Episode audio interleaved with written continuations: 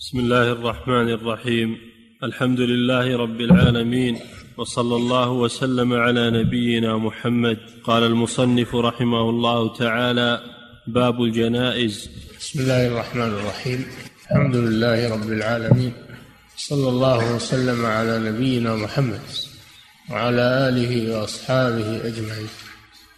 ختم المؤلف رحمه الله كغيره من المؤلفين كتاب الصلاة بباب الجنائز لأن الجنازة يصلى عليها والمراد بهذا الباب أحكام الميت من تغسيله وتكفينه والصلاة عليه وحمله ودفنه وزيارته زيارة قبره والدعاء له. وهذا من محاسن الإسلام ومن كرامة المسلم على الله سبحانه وتعالى فإن المسلم إذا مات يعتنى به هذه العناية الفائقة فيغسل ويكفن ويصلى عليه ويدفن في مقابر المسلمين. فهذا مما يدل على كرامة المسلم على الله سبحانه وتعالى وأن المسلمين يتولونه وأما الكافر فيتولاه الكفار ويدفن في مقابر الكفار ولا يتولاه المسلمون ولا يدفن في مقابر المسلمين وإذا لم يوجد من يدفنه من الكفار فإنه يوارى. يوارى في التراب ولا يترك على وجه الأرض. وهذا من نعم الله على الادمي أن جيفته لا تترك مثل جيف الدواب تلقى للسباع وللكلاب وإنما تدفن.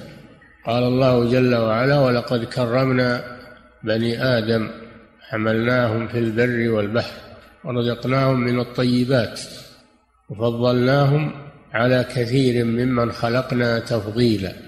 قال سبحانه وتعالى في تعداد نعمه على هذا الادمي ثم أماته فأقبره ثم إذا شاء أنشره. أمتن عليه بأنه إذا أماته فإنه أمر بقبره ودفنه تكرمة له ولا يكون كغيره من الجيف. ويستحب للمسلم أن يتذكر الموت دائما وأبدا حتى ولو كان في عنفوان الصحة والشباب يتذكر الموت ولا يستبعده في أي لحظة يكون على استعداد ولا يغفل عن الموت. قال الله جل وعلا كل نفس ذائقة الموت ثم إلينا ترجعون. والنبي صلى الله عليه وسلم قال تذكروا هذه من لذات الموت فإنكم لا تذكرونه في قليل إلا كثرة ولا في كثير إلا قلله. وفي تذكر الموت قصر للأمل استعداد للموت وقناعة بالرزق وإقبال على العمل الصالح والكف عن المحرمات والمعاصي والإقبال على الطاعات والحسنات والتوبة والاستغفار. هذا يحصل فيه تذكر الموت. أما إذا غفل الإنسان عن الموت ونسيه فإنه يتمادى في في الغفلة ويتمادى في المعاصي و والكسل وترك الطاعات تهاون بالعبادات ويكون عنده أمل طويل وغرور في هذه الدنيا. فيتذكر المسلم الموت.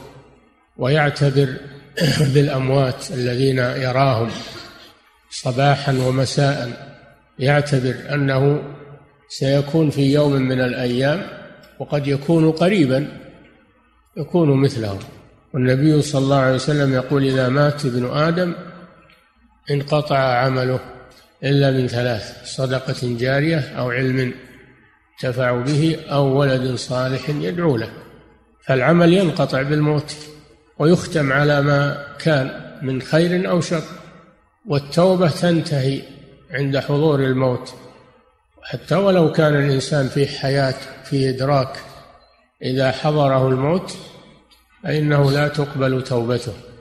قال صلى الله عليه وسلم إن الله يقبل توبة العبد ما لم يغرغر أي تبلغ روحه الغرغرة والحلقوم. حينئذ لا يقبل منه توبة. فيتذكر الإنسان هذا ويبادر بالتوبة. إنما التوبة على الله للذين يعملون السوء بجهالة ثم يتوبون من قريب. ما يأجلون التوبة ويؤخرونها لأنهم لا يدرون مدة إقامتهم في هذه الدنيا فيبادرون بالتوبة. إنما التوبة على الله للذين يعملون السوء بجهالة بغلبة نفس وهوى وعدم صبر. هذه الجهالة وليست الجهالة عدم العلم لا الجهالة أن الإنسان يطغى في هذه الدنيا ويطلق لنفسه العنان هذه الجهالة. ثم يتوبون من قريب ولم يقل يتوبون فقط بل قال يتوبون من قريب قريب من الذنب. الذين إذا فعلوا فاحشة أو ظلموا أنفسهم ذكروا الله ثم ذكروا الله فاستغفروا لذنوبهم. مبادرة. ثم قال جل وعلا وليست التوبة للذين يعملون السيئات حتى إذا حضر أحدهم الموت قال إني تبت الآن. هذا مثل قوله صلى الله عليه وسلم إن الله يقبل توبة العبد ما لم يغرغر.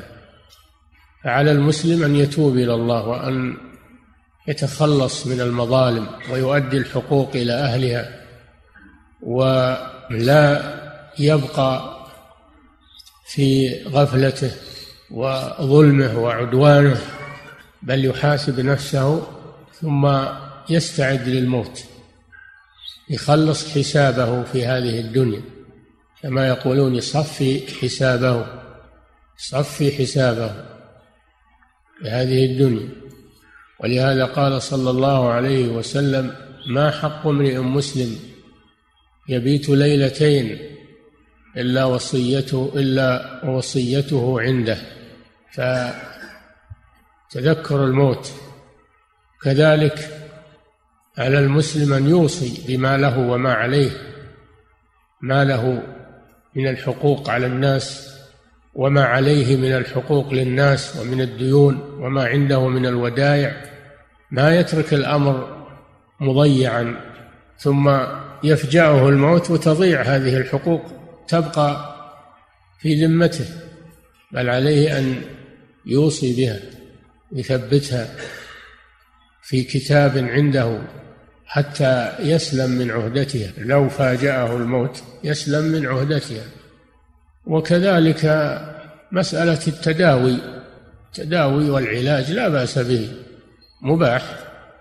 أن الإنسان يتعالج من المرض بما أباح الله من الأدوية والرقية الشرعية فالعلاج مباح بالأمور المباحة.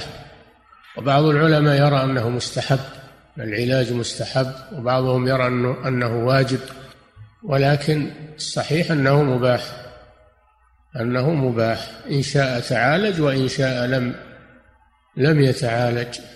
هذه كلها أمور ينبغي للمسلم أن يستحضرها. فإذا مرض إذا مرض الإنسان فإنه تستحب زيارته وعيادته عيادة المريض. هذا من حق المسلم على أخيه المسلم. قال صلى الله عليه وسلم وإذا مرض فعده فيعوده ويجلس عنده ويطمئنه ويوسع عليه الدنيا وينفس عنه. زيارة المريض فيها أجر عظيم. وفيها مصلحة للزائر والمزور. الزائر يحصل على الثواب والمزور يستأنس بأخيه وينشرح صدر صدره إذا زاره أخوه ويذهب ما بينهما من من سوء التفاهم. قد يكون بينهما سوء تفاهم فإذا زاره فإن هذا يزول بزيارته. في عيادة المريض وهي قربة إلى الله سبحانه وتعالى ويذكر بالتوبة يذكر المريض بالتوبة إذا رأى الزائر أنه في حالة تدل على قرب أجله فإنه يحثه على التوبة ويذكره بالوصية بما له وما عليه فإن هذا من التعاون على البر والتقوى فإذا مات فإنه وكذلك إذا حضره الأجل ونزل به الموت يوجهه إلى القبلة ويلقنه لا إله إلا الله لتكون آخر كلامه كما قال صلى الله عليه وسلم من كان آخر كلامه لا إله إلا الله دخل الجنة لقنوا قال صلى الله عليه وسلم لقنوا موتاكم لا إله إلا الله. موتاكم يعني المحتضرين. أما بعد الموت فلا يلقن لأنه ما ما في فائدة. لكن يلقن المحتضر الذي يسمع الكلام ويستطيع النطق. يلقن الشهادة يموت عليها. لقنوا موتاكم لا إله إلا الله. فإن من كان آخر كلامه لا إله إلا الله دخل الجنة. هذا من حق المسلم على أخيه المسلم. فإذا مات فإنه يسرع بتجهيزه على ما يأتي إن شاء الله. هذا كله من محاسن الإسلام ومن كرامة المسلم عند الله سبحانه وتعالى. نعم. عن أبي هريرة رضي الله عنه قال نعى النبي صلى الله عليه وسلم النجاشي في اليوم الذي مات فيه وخرج بهم إلى المصلى فصف بهم وكبر أربعا. نعم. هذا الحديث فيه أن النبي صلى الله عليه وسلم نعى النجاشي. نعى يعني أخبر بموته أعلن موته. وهذا فيه دليل على جواز الإخبار عن الميت إذا مات من أجل أن يدعى له ويصلى عليه. فإذا كان الغرض من الإخبار عن الميت والإعلان عن موته الغرض الدعاء له والصلاة عليه حضور الصلاة عليه وتشييع وتشييعه. وإذا كان لأحد عليه حقوق يتقدم إذا كان القصد من الإعلان عن وفاة الميت هذه الأمور فهذا مستحب فإن النبي صلى الله عليه وسلم نعى النجاشي يعني أخبر أصحابه بموته من أجل أن يدعوا له ويصلوا عليه. والنجاشي ملك الحبشة النجاشي لقب لكل من ملك الحبشة قالوا له النجاشي كما أن من ملك مصر يقال له فرعون ومن ملك الروم يقال له قالوا له الهرقل أو القيصر ومن ملك الفرس قالوا له كسرى والأكاسرة ملوك الفرس والقياصرة ملوك الروم. هذه ألقاب هذه ألقاب معروفة. عند الناس. والنجاشي كان نصرانيا كان نصرانيا وكان رجلا عادلا. ولما ضغط المشركون على المسلمين في مكة وشددوا عليهم أمرهم النبي صلى الله عليه وسلم أن يهاجروا إلى الحبشة. وقال إن فيها رجلا لا يظلم أحد عنده يعني النجاشي. فهاجروا عنده واستقبلهم وأكرمهم. ثم إنه سمع القرآن سمع منهم القرآن شهد أنه من عند الله وأنه هو والتوراة خرجا من مشكاة واحدة فأسلم وحسن إسلامه رحمه الله. فيعد من التابعين لأنه لم يرى النبي صلى الله عليه وسلم بل آمن به ولم يره. فيكون من التابعين لا من الصحابة. وفي الحديث الصلاة على الغائب الصلاة على الغائب وهي محل خلاف بين العلماء. فمن العلماء من يرى الصلاة على الغائب لأن النبي صلى الله عليه وسلم صلى على النجاشي. ومن العلماء من يرى أنها لا تشرع الصلاة على الغائب لأنه كان يموت خلق كثير من الصحابة في البلدان ولم يصلي عليهم النبي صلى الله عليه وسلم. ومن العلماء من يقول إذا كان الميت في أرض لم يصلى عليه فيها فإن المسلمين يصلون عليه صلاة الغائب. لأن النجاشي بأرض نصارى ليس عنده أحد من المسلمين فإذا كان مات المسلم في أرض ولم يصلى عليه فيها فإن المسلمون فإن المسلمين يصلون عليه صلاة الغائب. هذا القول الثالث وهو الذي اختاره شيخ الإسلام ابن تيمية وابن القيم. والقول الرابع أنه إذا كان الميت له شأن في الإسلام كالعالم وولي الأمر ولي أمر المسلمين ممن له شأن في الإسلام ونفع في الإسلام فإنه يصلى عليه صلاة الغائب. وهذا ما عليه العمل الآن في هذه البلاد. يصلون على العلماء ويصلون على ولاة أمور المسلمين إذا ماتوا صلاة الغائب. وفي الحديث أن التكبير على الجنازة أربعا. أن التكبير على الجنازة أربعا. أربع تكبيرات. وهذا هو الذي عليه العمل عند المسلمين وهو الذي تدل عليه أكثر الأحاديث. أن التكبير على الجنازة أربع تكبيرات. التكبيرة الأولى يقرأ بعدها سورة الفاتحة التكبيرة الثانية يصلي على النبي صلى الله عليه وسلم بعدها الصلاة الإبراهيمية. التكبيرة الثالثة يدعو للميت. التكبيرة الرابعة يسلم بعدها.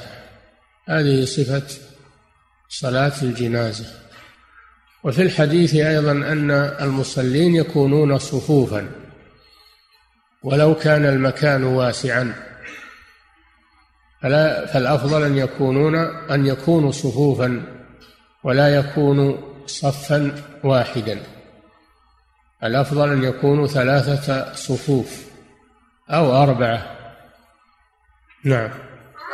أحسن الله عن أبي هريرة رضي الله عنه قال نعى النبي صلى الله عليه وسلم النجاشي في اليوم الذي مات فيه وخرج بهم إلى المصلى فصف بهم وكبر أربعا كما سبق فيه الإخبار عن موت الميت لأجل الصلاة عليه والدعاء له. وفيه علم من أعلام النبوة ودليل واضح من أدلة نبوته صلى الله عليه وسلم.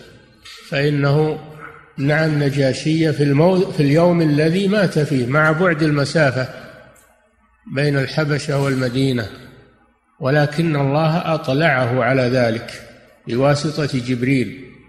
هذا فيه علامة من علامات نبوته صلى الله عليه وسلم.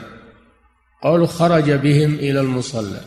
كان عندهم مصلى للجنائز كان عندهم مصلى للجنائز غير المسجد فتارة يصلون على الجنازة خارج المسجد في المكان الذي يصلون فيه عادة وتارة يصلون عليها في المسجد.